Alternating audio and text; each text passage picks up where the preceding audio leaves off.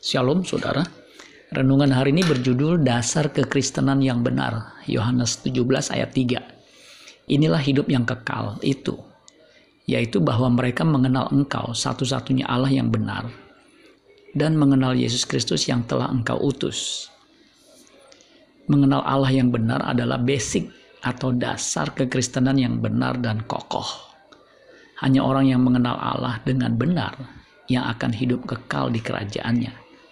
Hidup kekal bukan saja durasinya yang abadi, tapi juga kualitasnya yang tinggi. Ini sama dengan hidup berkelimpahan atau yang sama dengan high in quality, berkualitas tinggi. Itu ditulis di Yohanes 10 ayat 10. Ada seorang sahabat mengatakan kepada saya, mengapa seorang worship leader, WL, yang kelihatannya menyembah Tuhan dan memimpin pujian dan penyembahan, meninggalkan imannya karena ia mengalami kejenuhan dalam melayani Tuhan.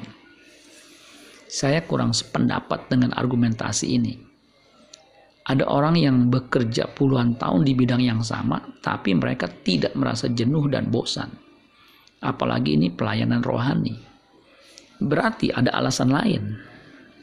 Menurut saya meskipun si WL, worship leader tersebut sudah melayani Tuhan, dan berada di lingkungan yang rohani tanda kutip, tetapi sesungguhnya ia belum mengenal Allah yang ia layani. Itulah sebabnya dengan mudahnya ia meninggalkan imannya. Seandainya ia sungguh-sungguh mengenal Allah yang disembahnya, ia tidak akan meninggalkan imannya. Amin buat firman Tuhan. Tuhan Yesus memberkati. Sola Gracia.